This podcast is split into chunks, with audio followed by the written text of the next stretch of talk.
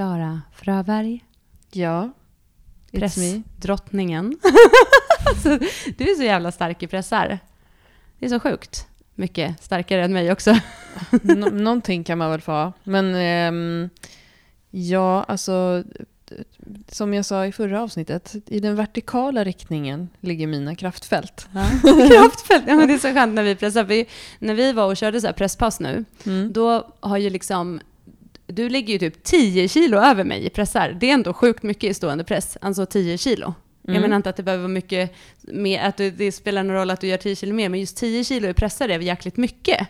Där ökar man ju så oftast med 1 till 1,25 kilo när man gör sina ökningar. Du. Jo, men du får också tänka på att du har, förut har ju du haft lite axelstrul också och inte kunnat pressa i den riktningen. Ja, men nu behöver inte du prata ner dig själv. Jag tycker Ja, att det är så ja. jäkla coolt. Okej, Det är som att liksom, du pressar ju snart mig. Det är det som är, det är det som är målet. Och pressar mig ja. Ja, Jajamän. fan vad härligt. Du, vi har ju precis eh, haft en liten... Eh, jag har ju en hashtag på Instagram som jag startade förra året som heter Dr. Mellberg i mitt hjärta. Som är när jag hänger med Dr. Mellberg. Eh, och nu har vi precis haft ett dygn här där hon kom till Stockholm. Hon är engagerad i Svenska Kanotförbundet och hade ett möte med dem. Och då passade vi kompisar på att ta lite ledigt och bada, träna, äta middag och hänga. Och ni är ju i full gång med att planera Dr. Mellbergs bröllop ju. Ja, Du, precis. du är faktiskt bröllopskoordinator och någon slags toastmaster-person. Ja, ja, jag har lite alla möjliga roller i det där. Ja, men eh, precis. De ska gifta sig i sommar, hon och hennes blivande man Jonathan. Mm. Eh, och eh, jag har jobbat med event, det är väl ingen hemlighet i den här, som sagt, ganska många år. Och hon frågade lite om så Styrkebyrån kunde hjälpa till eh, med deras bröllop, lite så här, koordinator, projektledare.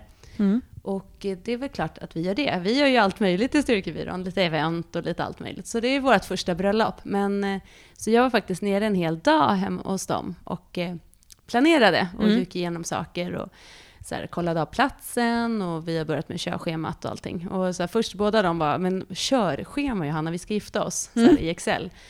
Men det är ju så, när man ska ha så stort, liksom, när det är ett event, och det spelar ingen roll vad det är, och så är det många människor, då måste man ha körschema för att man kan liksom inte bara improvisera saker, utan det måste vara välplanerat. För att, man, för att det ska kunna gå att bli avslappnat och härligt så Mm. måste det finnas en plan. Mm. Så eh, det känns skitkul. Vi har liksom jättemycket roligt här. Caroline sa till mig att du hade sagt att hon, alltså hon det är ju inga, det är ett stort bröllop. Vi räknade idag att det är inklusive barn och allting som kommer så är det 180 pers ungefär. Ja, precis. Och eh, det är hemma hos dem. Men att hon har varit väldigt mycket så här, det ska vara avslappnat, avslappnad stämning. Och då har du sagt ett visdomsord här Johanna, där du har sagt så här, ja men det blir bara avslappnat om man har koll. ja, allting. men du kan inte så här, oj nu blev det lite så här, nu skulle vi fotografera oss lite och det tog en timme istället för 15 minuter. Mm. Eh, det, liksom, det går inte att göra så med så många människor, utan då måste man ha väldigt bra koll. För har man väldigt bra koll så kan man liksom slappna av och luta sig tillbaka på det när det väl är dags. Och så är det ju med ett event också. Det kan ju se väldigt avslappnat och lugnt ut på utsidan, men har man inte gjort liksom grundplaneringen och minutkörschemat så kommer det ju inte bli lugnt, för då kommer det vara saker som missas, det kommer vara saker som liksom blir strul och sådär. Mm. Så att ju mer förberedd man är, desto mer avslappnat blir det. Mm. Så det är, jag är väldigt så här, jaha, och vilken tid är det då? Och där, där, där, där, och där, där, där, där. Och det är ju det som är meningen. Men det är Så- kul. Ja, så eh, det kan vi ta vidare till träningssnack också.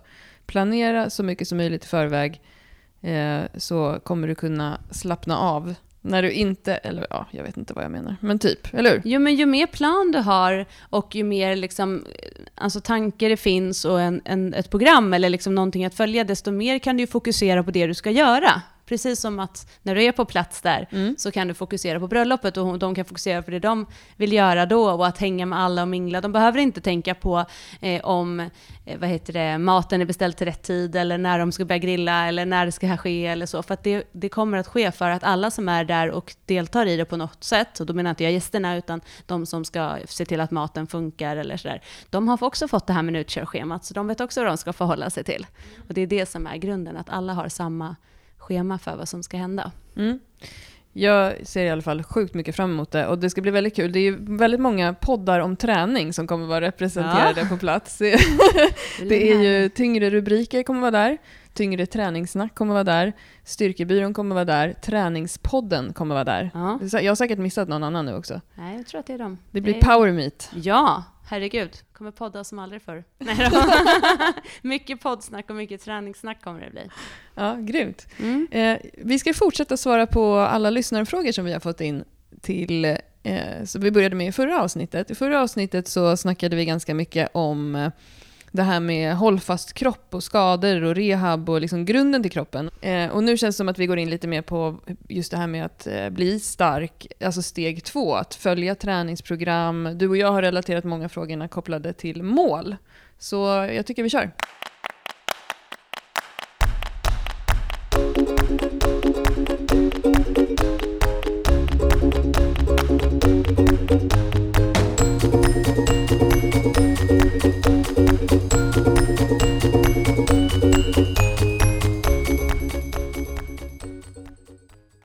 Hur bör man äta om man tränar för att bli en beefcake? Vad, när, hur, Ja, varför? Bra fråga. Tänk om man hade ett svar på det så här, på ett svarar jag det, på två svarar jag på det och på tre svarar jag det. Då skulle det vara väldigt skönt. Mm. Eh, det är klart att det beror på eh, personen i fråga. Men när vi tränar för att bli en beefcake så behöver vi äta protein för musklerna. Vi behöver kolhydrater Mm. och vi behöver allt vad grönsaker har eh, att leverera i form av mineraler och allting. Så att jag skulle säga så här, du behöver ju äta eh, bra saker som ger bra bränsle till kroppen. Eh, och om du vill bli en beefcake och eh, du inte blir det, då måste du se vad är det som är fel. Alltså tränar du hårt eh, och äter och inte blir en beefcake, äter du för lite? Eller vad är det liksom som gör att du inte får dina resultat? Kan det vara andra saker? Eh, att ligga lite på ett överskott, absolut, men det kan också vara så att man inte tränar tillräckligt hårt, att man egentligen äter tillräckligt mycket men att inte man tränar eh, som sagt tillräckligt hårt. Vissa människor eh, som jag tittat på och som du tittat på som vill träna och bli bitigare behöver oftast äta mer för att de ligger lite för lågt. Eh, och att man behöver lite mer protein. Mm. Och oftast de flesta klarar av att Mm. eh, äta det i sin vanliga kost, att de bara behöver öka på det intaget lite mer. Att man måste fokusera på att ha protein till alla måltider, till exempel brukar vara en rekommendation som jag har till mina kunder. Att liksom, det räcker Mm. kanske inte bara med en tallrik gröt till frukost, utan du måste addera något som är mer proteinrikt. Även om det innehåller lite protein i gröten så måste du kanske ha ägg eller skinka eller eh, omelett eller vad man nu skulle vilja eh, äta till. Men att du måste få till lite mer protein för att det är byggstenar för Mm. musklerna. Livsmedelsverkets rekommendationer, och det handlar ju om så här, vad vi behöver för att överleva, det är ju att vi äter 0,8 gram protein per kilo kroppsvikt. Och eh, det man kan se är att svensken i snitt idag ligger på ungefär Mm. 1,1. Men om man vill få ut bästa resultat av eh, styrketräning, det vill säga att vi har en eh, proteinsyntes i kroppen där vi alltså bygger muskler. Vi äter inte så lite protein att vi har en eh, nedbrytningsfas istället. Då är det bra om man ligger på mellan 1,6 till ungefär upp till 2,2 gram protein per kilo kroppsvikt. Över de nivåerna har man inte sett eh, jättestora positiva skillnader, men det är heller inte farligt att äta för mycket protein också se när man har tittat på så olika typer av proteintillskott. Det spelar inte så stor roll vilket man äter eh, eller när man äter det. Det här med nutrient timing, ehm, alltså att, att det inte är extremt viktigt att hålla upp en shake i omklädningsrummet direkt efter träningen utan att det snarare är det här eh, hela dygnet. Eh, däremot så är det många som tycker att det är lite knepigt att äta så pass mycket. Det blir ju lättare ju mindre Mm. man väger att få i sig. Alltså jag menar om jag en dag, nu är ju jag en beef eater, eh, inte vegetarian, men om jag käkar liksom några ägg på morgonen, eh, kycklingfilé till lunch, eh, ett proteinrikt mellanmål eh, och ett proteinrik middag och sen kanske någonting mer, då kommer jag ju Mm. upp i, i det jag ska. Så det beror ju lite på hur pass lätt och svårt lätt och svårt man Att tycker att det äta. är Mm. att få i sig sitt Men protein. just det här vad, när och hur och varför, det är som du sa, det här med tiden, där måste man hitta det som passar en Mm. bäst. Det handlar ju också lite om det här att när tränar jag på dygnet, pallar jag att träna hårt? Snarare än att Mm. oj, jag måste anpassa min mat precis till träningen för att få i mig rätt saker, utan det handlar ju om att om du äter frukost och så tränar du klockan två och inte äter lunch emellan, då kanske inte du har så bra energi så att du kan träna tillräckligt hårt som krävs för att bli bitigare. Så att det handlar ju inte om Mm. att det finns ett så här, ja om du äter klockan 12, om du äter klockan 4, om du äter klockan 8, då kommer du få bäst resultat. Utan det handlar verkligen om att hitta ditt, Nej. vad har du för liksom, vad har du för behov när du ska träna, när tränar du och så vidare. Men mycket, mycket Mm. handlar om att eh, trän, äta så att du kan träna hårt. Alltså då kommer mycket, mycket hända och att du får i dig en bra mängd protein om du tränar mycket. Det är viktigt Eh, för, för kroppen och det är byggstenar för musklerna. Vi pratar ju ofta om det här med sömn, eh, vi pratar ofta om stress, vi pratar ofta om kost kopplat till eh, att få framgång och bli stark. Och sen finns det ju också det här med återhämtning och det har vi fått eh, frågor om. Hur Ja. ser ni på annan träning dagarna emellan? Jag har precis klarat vecka ett i Bli en Beefcake 3-split. Är det viktigt att vila helt eller är det okej med löpning och promenader eller annan konditionsträning? Tack på förhand. Eh, någon annan frågar också, hur tycker ni att återhämtning efter tunga pass styrka och löpning bör se ut samma dag och kommande? Ja, det är ju alltid spännande att prata om återhämtning och det är väl som alltid när vi ska svara på saker att det beror på. När vi, om man tänker, om man börjar prata om tresplitten och bli en beefcake, eh, som, som vårt program som den här personen då har klarat av första veckan, så är det ju så att det programmet är ju baserat på tre pass per vecka. Nu försöker vi att ta bort det här veckotänket för att Mm. många blir så låsta i så här, men nu hann jag bara köra två pass den här veckan och ja, ska jag, hur ska jag då, ska jag börja på pass ett, vecka två och så vidare. Vi är ju så här, rulla passen, alltså där du s- fortsätt bara göra nästa pass hela tiden, så kommer du ju ha genomfört alla eh, pass i programmet. Men eh, så syftet är ju där just att det ska kunna vara vila emellan, en dags vila emellan passen. I och med att i tre-splitten så har ju vi, du jobbar med alla rörelser nästan i varje pass. Alltså du jobbar med inte bara med överkroppen eller bara med benen, utan du kan jobba med både bänk och knäböj till exempel och assisterande. Vilket gör att tränar du hårt och tufft så är, är, är det att, att rekommendera att kunna ha en dag emellan för att vara återhämtad och kunna köra lika hårt nästa pass. Men som livet är för många så är det inte alltid så att man kan ha en dags vila emellan, utan ibland behöver man köra två dagar på raken för att det funkar bäst den veckan eller den perioden. Och då är det klart att det går att göra det, men det kan vara så att man är lite tröttare eller slitnare i kroppen. Så det kanske är så att man måste köra lite lättare vikter, eller att de vikterna man hade tänkt att köra, att det kändes lite tyngre bara. Och det jag tänker att man inte behöver lägga mycket mer värdering än det, liksom i det då, om det är förutsättningarna. Men har man möjlighet så är det ju superbra för att kunna ha lite mer vila emellan.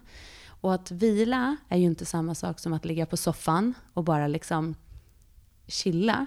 Utan den, man, när man har tittat på forskning så har man ju sett att till och med lugn jogg till exempel kan ha en bättre återhämtning än att bara ligga still. För musklerna? Ja, för musklerna, ja, precis. Mm. Men jag tänker också att många i livet så har man ju inte, man ligger ju inte på soffan Mm. mellan passen för att man ska jobba och man har, har man barn så ska de hämtas och lämnas och det är aktivitet. Alltså, så det är ju inte så ofta så att man kanske ligger helt platt på soffan och bara vilar.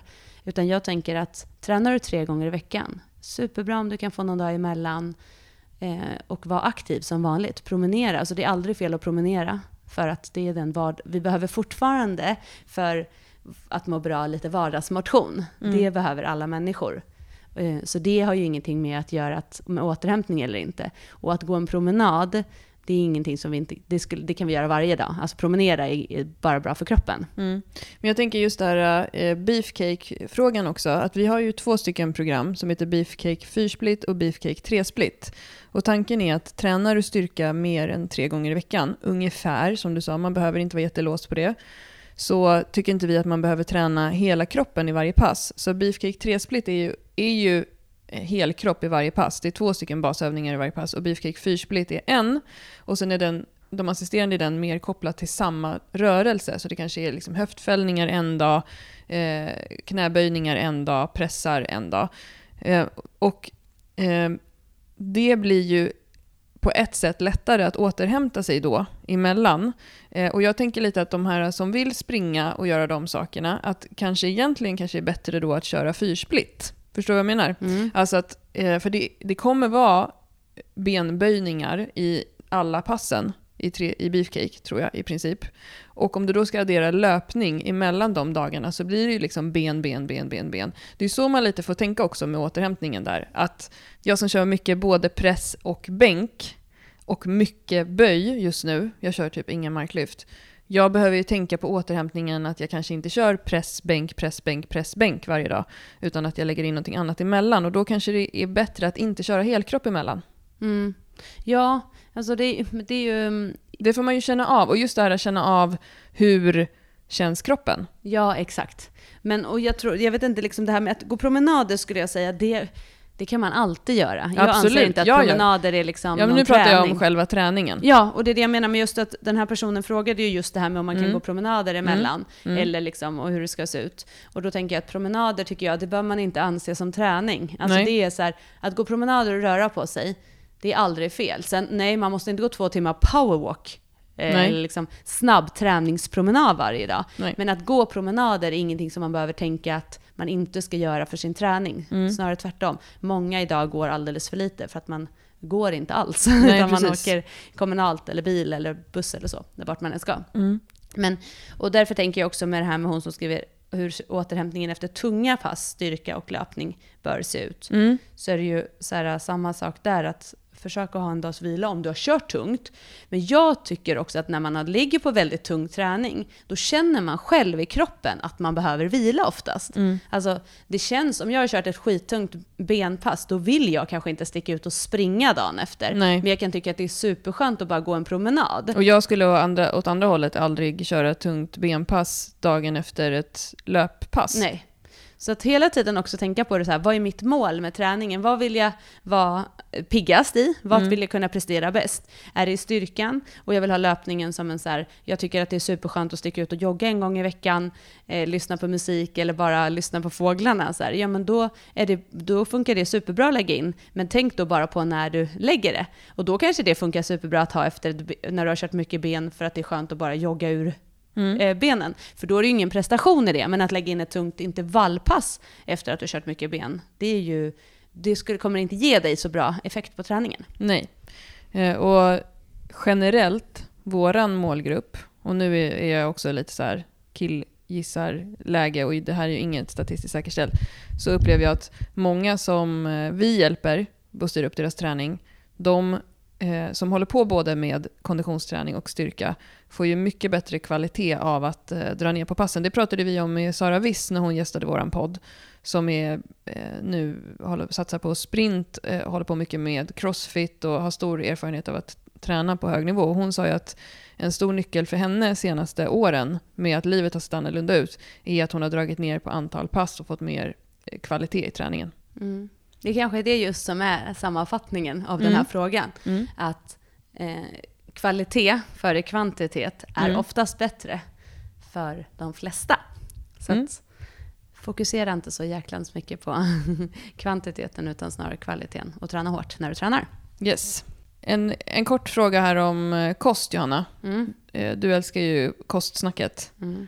Jag undrar om energi under pågående träningspass. Ju tyngre jag lyfter, desto mer har jag börjat bli hungrig mitt under passet. Hur gör man? Helst utan bars. Jag skulle säga att under ett pass behöver du inte få i dig energi, utan se till att ha planerat din kost inför passet. Att, det vill säga att om jag vet att jag ska träna ett tungt styrkepass, se då till att du har ätit någonting innan. För att, så att det inte blir att du äter en frukost klockan sju och sen går du och tränar kvart i tolv och så tar passet en och en halv timme och så är du svinhungrig. Utan se då till istället att du får passet närmare frukosten eller efter lunchen och kan du inte välja den tiden så se till att ta något mellanmål efteråt som ändå är lite ordentligare. Och sen så blir kanske då lunchen senare eller något. Så att eh, under passet så behöver man inte äta eh, utan se till att ha planerat din kost runt om skulle jag säga. Då, Ja, och sen om det är så här, oj det blev en strulig morgon eh, med eh, kids och jobb och allt möjligt och jag fick inte i mig tillräckligt mycket före passet den här gången. Ja, men, köp men- någonting och ät. Ja, men ta en banan. Det brukar Ja. finnas på de flesta gym. Alltså bara, oftast behöver man bara få i sig någonting för att man känner sig lite skakig. Ja, men det Mm. gjorde vi här för det var någon Mm. vecka sedan när vi tränade. Och uh, vårat, vi hade inte alls planerat och det bara drog ut på tiden och vi körde ett riktigt så här Klara och Johanna-pass. Nästan så här, tre timmar. timmar. Då var det lite så här mitt i, bara shit jag känner mig lite svag. Och då var ju det just så, vi hade gått någon timme innan den, vad ska man säga, lunchtiden och tränat och hade väl inte planerat att köra tre timmar. Och därefter typ timme två så började vi båda bli lite låga på mm. energi och då köpte vi en banan. Alltså, så att just bara för att få i sig någonting. Men jag tänker om det är ofta, då skulle jag planera lite bättre kring, mm. alltså med kosten. Och det där är ofta nyckeln när vi jobbar med kostrådgivning för klienter överhuvudtaget, oavsett vad de har för mål. Att eh, du behöver inte, alltså det här med nutrient timing är inte så viktigt som man kanske tror om man är en vanlig person och inte är en idrottare. Utan passa in, det är en jättevanlig fråga som vi får.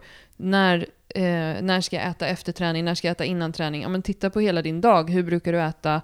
Brukar du äta frukost, lunch, middag och någonting på kvällen? Fortsätt med det. Alltså du mm. behöver inte tänka eh, tänka något mer på det. Nej, man behöver inte äta något extra, utan se till att planera maten kring hur din träning, eller alltså hur hela veckan ser ut, eller hela dagen. Mm. Och precis som de här andra frågorna om kost, orkar du träna hårt? Får du resultat av träningen? Känner du att du har energi över hela dygnet? Ja, men kör på det. Mm. Grymt. Ska vi gå vidare till en annan vad ska man säga, kategori eller fråga skulle jag säga. Det är en egen fråga. Eh, och den har vi egentligen, den handlar ju om fettprocent slash energiunderskott mm. egentligen. Jag läser frågan Klara, så kan väl du svara lite på den. Om man ligger på relativt låg fettprocent, alltså under 10% och har utebliven mens, hämmar det då ens möjlighet att bygga muskelmassa?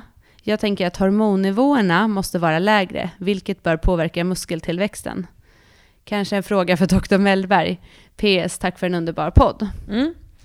Eh, och vi hade ju sån tur att vi hade Dr. Mellberg här idag. Så vi ställde frågan till henne eh, och eh, snackade lite om det. Och eh, ofta när man ställer en fråga till Dr. Mellberg, det som är intressant är att hon ser det också i ett lite större sammanhang. För det är ju så här, att ligger du på en låg fettprocent som den här eh, personen frågar om, nu klickade jag på den här personens profil på Instagram också och såg att det antagligen är den här personen själv som det gäller. Då är det ju så att absolut, du kan, jag ställde ju de frågorna till Karo idag. Kan du bygga muskler när du i princip, nu sa jag anorektisk, det vet jag inte alls om den här tjejen är, men när du är liksom på ett sånt energiunderskott att, att du är jättesmal. Och då sa hon så här, ja, det kan man ju. Du kan ha en positiv muskelproteinsyntes om du äter mycket protein trots att du är sjukt smal. Men Eh, det som hon sa var att har man en utebliven mens så finns det ju många allvarliga aspekter kopplat till det. Eh, att inte ha någon mens heter amenorré. Det är diagnosen att, inte, att, att mensen försvinner. Eh, och det finns ju många saker som eh, det kan ju vara sammankopplat med just hård träning. Det kan vara sammankopplat med en låg fettprocent. Det kan vara kopplat genetiskt eller har med någon ärftlig sjukdom att göra. Eh, men det är inte en bra status för den kvinnliga kroppen att eh, tappa mensen, för då är det någonting som är fel. Och eh, några olika symptom som brukar vara sammankopplade med det är också eh, benskörhet, eh, håravfall, att man har kalla händer, att man har kalla fötter. Och det som Caroline sa, att Eh, det finns så många andra risker med att ha så låg fettprocent och inte ha någon mens eh, med koppling till följdsjukdomar. Till exempel så kommer du ha svårare att ta upp fettlösliga vitaminer och mineraler. Vilket också kan göra då att kroppen eh, inte mår bra. Och alltså osteoporos, det vill säga benskörhet, som man kan då få i tidig ålder om man ligger i en låg fettprocent och tappar mensen, är ju eh, inte alls bra. Eh, man kan behöva eh, medicinera för man kan få olika typer av hormonella störningar. Så att, frågan blir lite dubbel. Varför vill du ha så låg fettprocent och ändå bygga muskler? Ja, ska du liksom stå på en scen, då är inte det heller... Det här är ju ingenting som du och jag liksom... Vi jobbar inte med fitness på det sättet överhuvudtaget, men eh, ja, du kan bygga lite muskler om du är sjukt konkav. Ja. men det finns ingenting positivt för kroppen med att vara i den där eh, statusen, utan snarare fundera över vad, vad har du för mål och eh, eh hur vill du må och tänka på hälsoriskerna med det. Jag kan bara tala för mig själv. Nu har jag nog inte varit nere på 10% men ehm, för ett och ett halvt år sedan när jag mådde kass och eh, flyttade hemifrån höll jag på att säga och separerade och så vidare och tappade ganska mycket vikt. Då eh, när jag sen gjorde blodkoll för att jag inte mådde jättebra, då hade jag både järnbrist och eh, D-vitaminbrist förra året, vilket är eh, fettlösliga eh, vitaminer och mineraler som jag då inte hade tagit upp i kroppen, antagligen under en längre tid baserat på slarv och sömnbrist och låg fettprocent. Och jag menar, det är ju ingenting som jag, alltså det har jag fått jobba jättemycket för att komma tillbaka ifrån. Och jag mådde ju skitdåligt av det. Det är, det är jättesvårt att träna hårt med järnbrist. Jag tyckte att det ibland att det var jobbigt att se eh, att folk eh, svingade kettlebells framför mig i gymmet, så snurrade det i mitt huvud. Så att, långt svar på den här frågan. Du kan söka på eh, en diagnos som heter The Female Athlete Triad. De tre sakerna som det handlar om är att du inte har någon mens, amenorré, att du har en låg fettprocent eller en ätstörning, eh, att du har benskörhet. Så kan man läsa lite om hur det påverkar kroppen eh, och att det helt enkelt inte medför någonting positivt. Så det är inget som vi rekommenderar. Vi rekommenderar att du äter så att du orkar träna hårt och mår bra. Och eh, ja, om du vill ta en snus eller en glass när du göttar dig på kvällen. det, det, har vi ingenting emot överhuvudtaget. Men vi vill att folk ska må bra, punkt. Eller ett paket gula Blend. paket gula Blend, chins, alltså, lite kaffe. Jag det här med gula Blend. Nej men eh, skitbra ju. Alltså, Finns gula Blend ens nu för tiden? Alltså jag har ingen aning. Jag är inte kanske den kund som handlar mest på den hyllan om man säger så. Då. Så jag har faktiskt ingen aning. Men spontant känns det som att gula Blend är någonting som aldrig kan försvinna. För Never goes alltid, out of style. det, är liksom, det kommer alltid finnas en kategori människor som röker gula Blend känns det som. Ja. ja. Spännande. Jag vet att min morfar rökte gula Blend. Ja men jag tror att min mamma gjorde det i perioder också. Ja. Kan ha varit de första ciggen jag tjuvrökte. Nej, nu ska vi inte komma in på sådana här saker.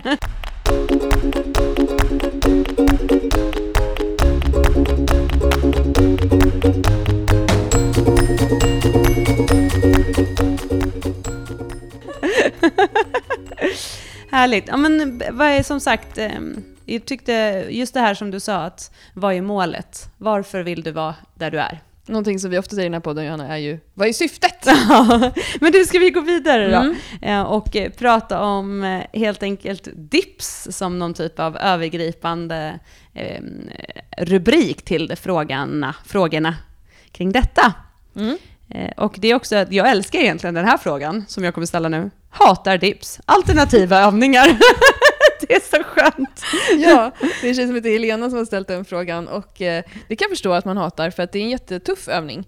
Och eh, vi brukar ju också säga att vi inte rekommenderar de här um, killdipsen, eller vad man ska kalla det, när man lutar sig mot en bänk och dipsar. Okej, det är faktiskt inte killdips. Jag är, Nej, nu får du faktiskt lugna dig Klara. Jag är väldigt ivrig på att alltid säga att allting som har med, eh, som är lite så dålig teknik är killaktigt. Men det här är faktiskt en övning som man ser kvinnor göra väldigt ofta. Den här när man sitter på golvet på huk och har armarna mot en bänk och jobbar upp och ner. För där hamnar ofta många i en väldigt dålig position. Och dips är, om man är kan behärska den övningen så är det en fantastiskt bra övning för bröstmuskulaturen och triceps och såklart hela överkroppen. Ehm, men det är få som kan utföra den. Det, ehm, det sätter stor, ställer stora krav på rörlighet i axeln och hållfastheten i axeln. Jag tycker absolut inte man ska göra den om man känner att man hatar den. Det man ska tänka på när man är till exempel då kvinna och ställer den här frågan, om man tittar på folk som dipsar, är att man behöver inte gå så djupt att man känner som att man ska spy i dips. Eh, det räcker med att eh, armbågen går strax över axeln eller att man är där någonstans omkring för att ändå få en bra effekt, även om vi förespråkar fullt rörelseomfång i många övningar. Eh, man kan ju avlasta med ett gummiband om man vill ändå göra rörelsen. Men Helena, eh, du behöver absolut inte göra dips. Du kan göra, tycker jag, smalbänk Eh, Eh, du kan göra alla olika typer av tricepsövningar. French press, triceps pushdown, eh, skull crushers, JM-press som i och för sig eh, kommer mer lägre, längre ner på armen. Eh, jobba mycket med bröstövningar, ryggliggande flies på bänk, eh, hantelpressar på sned bänk. En övning man ofta glömmer bort. Hantelpressar med olika typer av grepp för att komma åt bröstet eh, och bänkpress. Så nej, du behöver absolut inte göra dips. Även om det är coolt att hamra av lite dips. Ja, men det är lite som chinsen. Den ställer ju extremt stora krav på kroppen. Ja. Och det är ju precis som i chinsen ska du dra dig själv upp. Här ska du ju ändå kunna pressa hela din kropp mm. i en position där axeln vid ha, inte bra, alltså om tekniken svajar lite så blir det jättemycket eh, liksom axelfokus. Ja. Och vi har ju ett avsnitt där vi har pratat om dips, just då det här med Mm. att tänka på hur man hamnar i positionen, att nästan tänka det lite som en roddövning. Just. Att just hamna, att man inte hamnar för rakt upprätt, utan att Mm. liksom nästan komma ner så att det blir som att rörelsen blir som att man gör en eh, omvänd rodd, eller vad man ska säga. Ja, precis. För det är det man ofta kan se med folk som dipsar eh, med dålig teknik. Att de bara sätter all stress på axeln och är liksom helt slappa i resten av kroppen. Eh, så att anspänning i hela kroppen. Jag får träningsvärk i magen av, av dips. Och eh, liksom kontrollera rörelsen genom hela. Men det kräver ganska mycket överkroppsstyrka för att kunna göra bra dips. Så att, yes. Ja, och ett, ett sätt också att börja, om man, om man vill göra dips, så att bara börja och hänga i, den, i topppositionen. Mm. Alltså det. där vi hänger helt anspända i kroppen. Vi, har, vi tänker att vi trycker upp oss genom bröstryggen, i Mm. det vi kallar hollow position. Så, och hänga där och bara träna på att hänga eh, är ju ett steg nummer ett. Ja. Och sen kan man då börja med att bara sänka sig ner kontrollerat och då kan man, om man inte klarar att göra det utan gummiband, addera ett gummiband under fötterna. Mm. Just för att få lite hjälp och då tänka på att man ska ner i en kontrollerad position. Och då jobbar man ju med det som vi kallar excentrisk träning, Mm. vilket har en väldigt fin överföring sen till att kunna göra hela, hela rörelsen. Grymt eh, Johanna, helt rätt. Och då att man alltså kliver av när man är i bottenläget så att man Precis. inte pressar sig upp därifrån utan bara gör nedsänkningen. Mm. Det är jättebra. Den rörelsen gjorde jag jättemycket förra året när jag kom igång med styrka efter min den här då så kallade konkavfasen. Mm. Jag har också jobbat jättemycket med just den excentriska fasen i dips. Mm. Och eh, det är ju också som, som du pratade och var inne på det här med ökad muskelmassa, att blir du starkare i triceps, blir du starkare i bänk, alltså du kommer att bli starkare i dipsen också, men du måste för den skull ha tekniken. Mm. Men ökad styrka i överkroppen kommer ju ge dig förutsättningar att ha lättare för att kunna göra dips. Ja, och då går det här över på nästa fråga som också handlade om dips. Eh, Jag får ont i framsidan axel vid dips. Vad ska jag göra? Ja, men gör inte dips då, utan gå tillbaka till det här vi pratade om i förra avsnittet med hållfastheten och prehaben. Eh, Bygg starka axlar. Det finns andra övningar som är skonsammare för axeln där du kan liksom build your foundation och skit i dipsen. Och kolla på tekniken. För ibland kan det ju också vara så att det är tekniken som är problemet. Jag vet många gånger när vi har haft våra överkroppsgrupper så är det flera som, som har styrkan för att göra dips, men att de får ont just i axlarna när de gör det. Och så har vi tittat på tekniken och de har förändrat lite just i det här att hamna i en bättre position i nedsänkningen. Och helt plötsligt så har de faktiskt inte känt av axeln. Så det kan ju också vara så att man hamnar i, precis som när man hamnar i en dålig position i bänken så känner man av den. Men när man får packa in axeln, precis samma sak. Att när man får liksom bli kompakt och inpackad så känns det inte i axeln. Men ledande fråga då, alltså om man tittar average, dina PT-kunder och folk som vi har i våra grupper, alltså överhängande av dem, gör, låter du göra dips eller inte? Inte. Exakt, samma Det enda jag gör, eller en, enda, okej, det enda jag gör med mina kunder, det jag gör med mina kunder, ja precis, det är att de får hänga. Mm. Och i hänga i den positionen just för att eh, jobba med anspänningen. Och de som vill lära sig göra dips så jobbar vi ju så. Men de flesta är också, vi är inte där ens. Alltså de behöver inte jobba med det för att det finns mycket annat de kan göra för att skapa en styrka i triceps och bröst till exempel som är stora delar av Mm. musklerna vi jobbar med. Och stora armar och axlar, det tycker vi ändå är coolt. Jajamensan. Mm. Bodybuilda på. I förra avsnittet så pratade vi ganska mycket om det här med ehm, att ha ont, smärta i kroppen och rehab och, och prehab och att vara hållfast, hur man tränar greppet och sådana saker. Och nu har vi eh, lite frågor kopplat till det här med att följa träningsprogram och som vi ser det frågor om det här med mål när det gäller träning. Ska jag läsa upp den första frågan Johanna? Ja, Eh, gör det. till det här. Mm. Eh, hur gör man för att hålla sig till ett träningsschema? Så många kul scheman släpps från er och jag vill testa dem alla på en och samma gång. I början går det bra de första veckorna men sen börjar jag fladdra iväg och testa annat. Vad säger du om det här? Ja, det var ju målet. Det är alltid det vi Exakt. kommer tillbaka till. Alltså, Mm. vad är syftet med det du gör? Alltså, jag, eh, häromdagen så vet jag att coach Pinell, vår kompis, eh, la, gjorde ett inlägg som handlade just om det här att så här, jag har fladdrat med träningen i 37 år eller vad det var. alltså det här med att om du tycker att det är kul att göra massor med olika saker, du vill testa olika pass, olika typer av träning, alltså det är helt fine. Det går jättebra och det är väl helt fantastiskt om man tycker att det är roligt. Det som man måste tänka på då är att då kan man kanske inte förvänta sig att man ökar sin maxstyrka i marklyft eller blir snabbare på milen eller blir bättre på boxning eller utvecklar sig själv inom cykling eller vad det än skulle kunna vara. Alltså du behöver ju specificera din träning och jobba mot ett mål om du har ett mål. Men om målet är att göra roliga saker och blandade saker och det som du känner för, då är det det du ska göra. Så att allting, går tillbaka till vad är ditt mål och vad är ditt syfte med träningen? Och är ditt syfte att öka i vissa eh, övningar till exempel, som vi, om vi tittar på det som våra program utgår ifrån, de, i alla fall framförallt då beefcake-programmen, är ju att öka i knäböj, marklyft och bänkpress. Och om det är målet, då kanske du ska ifrågasätta om det är tillräckligt starkt om du inte känner att du vill eh, jobba utifrån eh, det här schemat. Så att det, så, det går liksom inte att säga så här, gör så här och så här för att följa ett schema. Det är, allting mm. handlar om vad är målet, hur tydligt är det, hur, vet du hur du ska dit, eh, hur gärna vill du det? Mm, mm. Så, vill du det tillräckligt mycket? Exakt. Och om du vill det tillräckligt mycket så kommer du inte tycka att det är tråkigt att eh, följa planen, även om den är tråkig. För då kommer du kanske eh, verkligen se det som vägen mot ditt mål, vilket kanske peppar dig. Mm. Och det, alla behöver inte ha ett mål, precis som du sa innan. Um, alltså ett, ett, prestationsinriktat mål eller så. Men man behöver ju ha ett varför till det man gör. Och det är ju lite waste att köra ett träningsprogram som har ett prestationsinriktat mål om man inte har något why. Ja, verkligen. Absolut. Um, då kan man ju istället bara träna lite vad som helst. Ja, men som du sa det här med att jag tror absolut att alla behöver ha ett mål varför man gör saker och man har nog det underliggande utan att man tänker på det.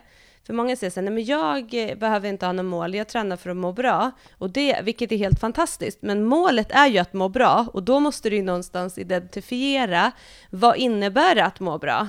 Den här mm. personen, det kanske innebär för hen att eh, att mm. göra olika saker och träna, om jag får träna tre gånger i veckan eller fyra gånger i veckan så mår jag bra av det, men det finns inget som säger att jag måste göra det här eller det här eller det här. Och då kanske hens mm. mål är just att få träna fyra gånger i veckan och bara ha kul och må bra. Och då är det det som hon ska känna, eller hen, förlåt, när veckan är slut. Alltså att det är liksom, då spelar det inte så stor roll vad innehållet är, men då är, det, då är det det man måste utgå ifrån när man också eh, reflekterar över att man har nått de målen som man har. Att ja, okej, men jag har gjort fyra pass den här veckan. Det var ju faktiskt det som var mitt mål, för då mår jag bra och jag känner mig rätt så bra. Alltså lite så, att man får hela tiden reflektera över varför man gör saker, för annars kommer man hamna i situationer där man inte riktigt vet varför man ska göra det och att man kanske inte känner att man vill heller. Mm. Så äh, mål, mål, mål, mål, mål, mål.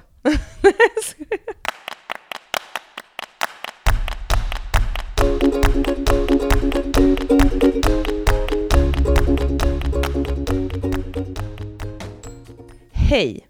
Hur ökar man sin mängd träning, alltså fler träningstillfällen i veckan, kanske till och med till och med flera pass utspridda över en dag. Jag vill gärna öka mängden men inte skada mig. Tränar styrka cirka fyra gånger i veckan och något lekpass i veckan men mest, men mest är något ro, som mest är något roligt. Jag vill gärna få in lite konditionsträning för att det är roligt att mäta framsteg och för bra hjärthälsa utan att tappa kvalitet i passen. Tack för en grym podd. Vad säger vi här, Klara Fröberg? Ja, men, ja, men där säger jag så här, var, alltså, varför, um, jag, jag, varför vill man eh, öka sin mängd? Eller liksom, var, vad är syftet med det? Mm. Vill gärna öka mängden, är det för att det alltså är roligt? Um, det väl, testa dig fram. Alltså får du de resultat som du vill ha, har du roligt, eh, skadar du dig inte. Testa dig fram och känn efter. Ja, men, och jag, åter, jag tänker hela tiden så här att när det är så här, du, det är liksom lite så här, vad, om, om du tränar så här pass mycket, vad, vad tror du att du ska få ut mer av det? Alltså, är det något underliggande mål du har som du inte når, eller är det så att du behöver kanske ändra på ditt mål, träna något annat? Är det det här du ska göra? För att det är ju så här, det blir ju också så här att bara öka och öka och öka. Risken för många är ju just att ett, du skadar dig, två, du får inte de resultaten du vill ha. Mm. För att du inte får tillräckligt mycket återhämtning. Och om man tränar tillräckligt hårt för att om vi säger att man vill eh, beefcakea sig eller vad det skulle vara och träna sådär mycket, då så skulle jag säga att du borde du vara sliten. Du skulle borde vilja vila om du är en vanlig människa som jobbar, eh, som har andra åtagande och så vidare.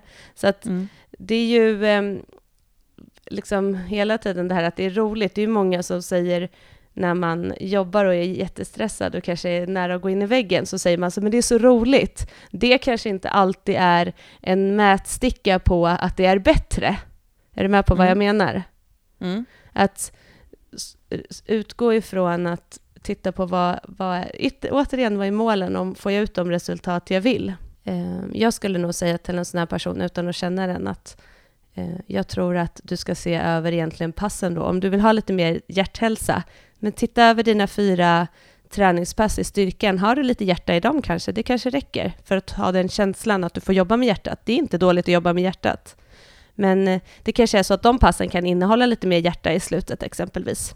Mm. Sätta ihop några assisterande övningar som gör att du får lite puls. Det kanske är det som behövs. Så att man kanske ska titta över helheten istället för att bara öka. Ja, alltså mer volym betyder inte mer kvalitet. Exakt, exakt. Bra avrundning på den frågan tycker jag. Eh, nästa som också kopplat till det här. Jag har en fråga som jag skulle bli jätteglad om ni tog upp i ert frågeavsnitt. Och jag undrar hur man ska tänka när det kommer till att konstruera ett träningsprogram. Har följt träningsprogram i snart ett år nu, tre olika, och börjar känna mig redo att konstruera mina egna. Det känns dock som att det är så mycket man måste få med per vecka. Ska ett bra program vara samma övningar varje vecka eller kan man variera? Och hur ska man tänka kring teknikövningar, till exempel pausböj eller boxböj? Ska man byta ut sitt vanliga benböj eller ska man göra alla övningar varje vecka? Mm, spänn- Bra fråga tycker jag. Jätteintressant fråga och, och eh, det, allt, allt det här är ju återigen så roligt när vi ska säga det beror på. Vad är ditt mål? Vad är ditt syfte? Men om man utgår ifrån att, att den här frågan är baserad på att man vill kanske öka då i sina basövningar, det vill säga typ, vi säger knäböj, marklyft, bänkpress, kanske eventuellt press då. Ehm, Då handlar det ju om att du måste fokusera på det du vill bli bra på. Och det är ju, även om du inte ska bli bättre på de övningarna, så måste du fokusera på det du vill bli bra på. Och jag Mm. tänker att om man går till den här personen, om hon har följt tre olika träningsprogram nu i ett år, eh, så, så skulle jag säga så här, vad är det som har funkat för dig? När har du fått dina resultat? Eh, har du fått de resultat du vill, eller är tanken att du vill göra egna för att du inte får resultat? Alltså, det är ju så mycket att ta hänsyn till här, tycker jag, för en sån person.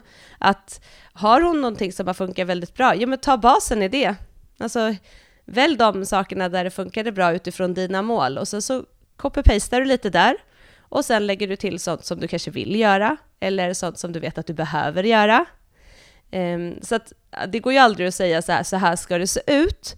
Men om man vill öka i sina basövningar så ett bra sätt att tänka är ju att värma upp, aktivera inför den basövningen du vill jobba med. Jobba lite teknik i din basövning, fokusera på maxstyrka i din basövning, jobba med exempelvis assisterande övningar till den basövningen eller någon annan basövning, eller där du har dina svagheter, eller där du vill bygga mer muskler. Alltså den Mm. typen av upplägg på pass, det är ju genomgående hur vi jobbar med i våra beefcake-program. Och det är ju liksom inget som vi har hittat på för att vi tycker att det är kul, utan det handlar ju om att först eh, bli redo för det du ska göra, sen ska du ta det som du vill bli starkare eller fokusera på, och sen kan du jobba med eh, det övriga träningen. Så att det är ju, och så tittar man så, så är det ju många program som är upplagda så, eh, utifrån eh, ett maxstyrkeperspektiv. Det blir hela tiden det här, eh, som du säger, specificitet kontra assistansarbete runt omkring. Ja. Hur, vad, vad är ditt mål? Vad, vad behöver du lägga fokus på? Behöver du ändra någonting för att, för att nå målet? Men Mm. du kan ju inte bli bättre på bänkpress i det långa loppet om du inte tränar det. Nej, och sen är det ju det här när hon skriver så här, ska ett bra program vara samma övningar varje vecka eller ska man variera? Det är ju också så här, vi pratar om mycket om kroppen. Kroppen är ju en specialist på att eh, anpassa sig till din träning. Gör du exakt samma saker och samma antal reps hela tiden i dina pass så kommer kroppen anpassa sig och du kommer inte få de resultat du vill. Det är inte så enkelt att säga att bara du byter ut en övning eller gör flera reps så kommer det förändras. Men du behöver variation i din träning. Sen kanske du inte behöver variation för varje vecka. Alltså du kan jobba ett antal veckor med samma och sen byta. Det där är också jätteindividuellt och vad man tycker är kul och så, men det är mer relevant i vad är det du behöver bli bättre på? Kanske dina du kanske har en period där du jobbar med assisterande övningar som är dina svaga länkar exempelvis. Eller att du jobbar fokus på att eh, bodybuilda överkroppen, då kanske det är det som ska vara en period. Så det går inte att säga, men du, man måste utgå ifrån vad som är, hur många gånger i veckan tränar du, vad är ditt mål, vad är dina svagheter, vad vill du bli bättre på och så vidare. Och det är de här principerna man måste ta hänsyn till som vi har pratat om i ett helt avsnitt, träningsprinciper. Men jag tänker också att eh, när det gäller till exempel det här med pausböj och boxböj och när man ska mm. man byta ut sina vanliga böj och så vidare. Det är också så här, får du de resultat du vill, är ditt syfte att bli bättre i knäböj och du går framåt i knäböj, då kanske det inte finns något behov av att byta ut dem. Vi behöver ju inte byta ut den vanliga knäböjen exempelvis, om vi vill bli maxstarkare där, om vi går framåt. Men det som vi tittar på, det är ju om vi till exempel ser att men den här personen kanske inte riktigt, det funkar inte i hennes knäböj, eller det, är, det där blir inte alls bra där, och vi, vi vill variera lite för att hon ska få tyngre belastning, så vi jobbar lite boxböj samtidigt som vi jobbar knäböj med kettlebells. Alltså, det är ju många andra saker som spelar in varför man skulle göra andra typer av rörelser. Det kan ju vara att man har någon skada som hindrar och så vidare. Så att det kan man göra för att man vill ha en variation, men vill du bli bra på vanliga knäböj och det funkar för dig att göra det så finns det inte så en anledning att du måste byta ut det bara för att byta ut det. Så att eh, utgå från dig själv eh, och vad dina mål är och vad du får för resultat av din träning och den träning du har gjort det här året nu. Vi är våra icke-konkreta svar. Ja, men vi älskar ju det här, alltså träningsprogram och hur man ska tänka och prata och så här, diskutera med folk och sitta och bolla. Det, vi tycker ju det är superkul, det är därför vi håller på med våra program och att se eh, människor utvecklas när de följer ett träningsprogram det är ju mm. typ bland det bästa som finns. Alltså det har ju verkligen känts med våra beefcake-program nu och väldigt många som följer dem som får resultat. Och det säger vi hela tiden, det är ju inte för att det är det perfekta programmet, utan det är för att det är människor som går ifrån att ha en ostrukturerad träning till att strukturera sin träning, ha en progression, en tanke i det man gör och en kontinuitet. Mm. Så för många så är det så, då har man inte, man tränar fortfarande lika många gånger i veckan som man gjorde tidigare. Den enda förändringen är att det finns en tanke i det du gör. Och, eh, och det tycker jag är så jäkla roligt, så det är ju superspännande med det här, att sitta och fundera på hur man ska göra och vad, vad blir bäst med den och testa sig fram och ändra och våga misslyckas för att lyckas och så vidare. Med det sagt så tycker jag att vi nu eh, går eh, iväg till gymmet du och jag och pressar, drar, dipsar och allmänt göttar oss. Lyfter någon liten jävel. Ja, vi lyfter en liten jävel, vi kastar en gubbe i väggen och sen går vi också och badar tycker jag. Det låter som det är en underbar idé. Eller hur? Men du, och sen då? Sen tar vi lite sommarlov. Det tycker jag att vi är värda. Ja. Så uh, helt enkelt ha en underbar sommar allihopa, så uh, hörs vi igen. Det gör vi. Ja, gud vad härligt. Vi hörs igen i augusti. Ja, Det ser jag fram emot med massa ny energi och uh, många gula Blend i tanken.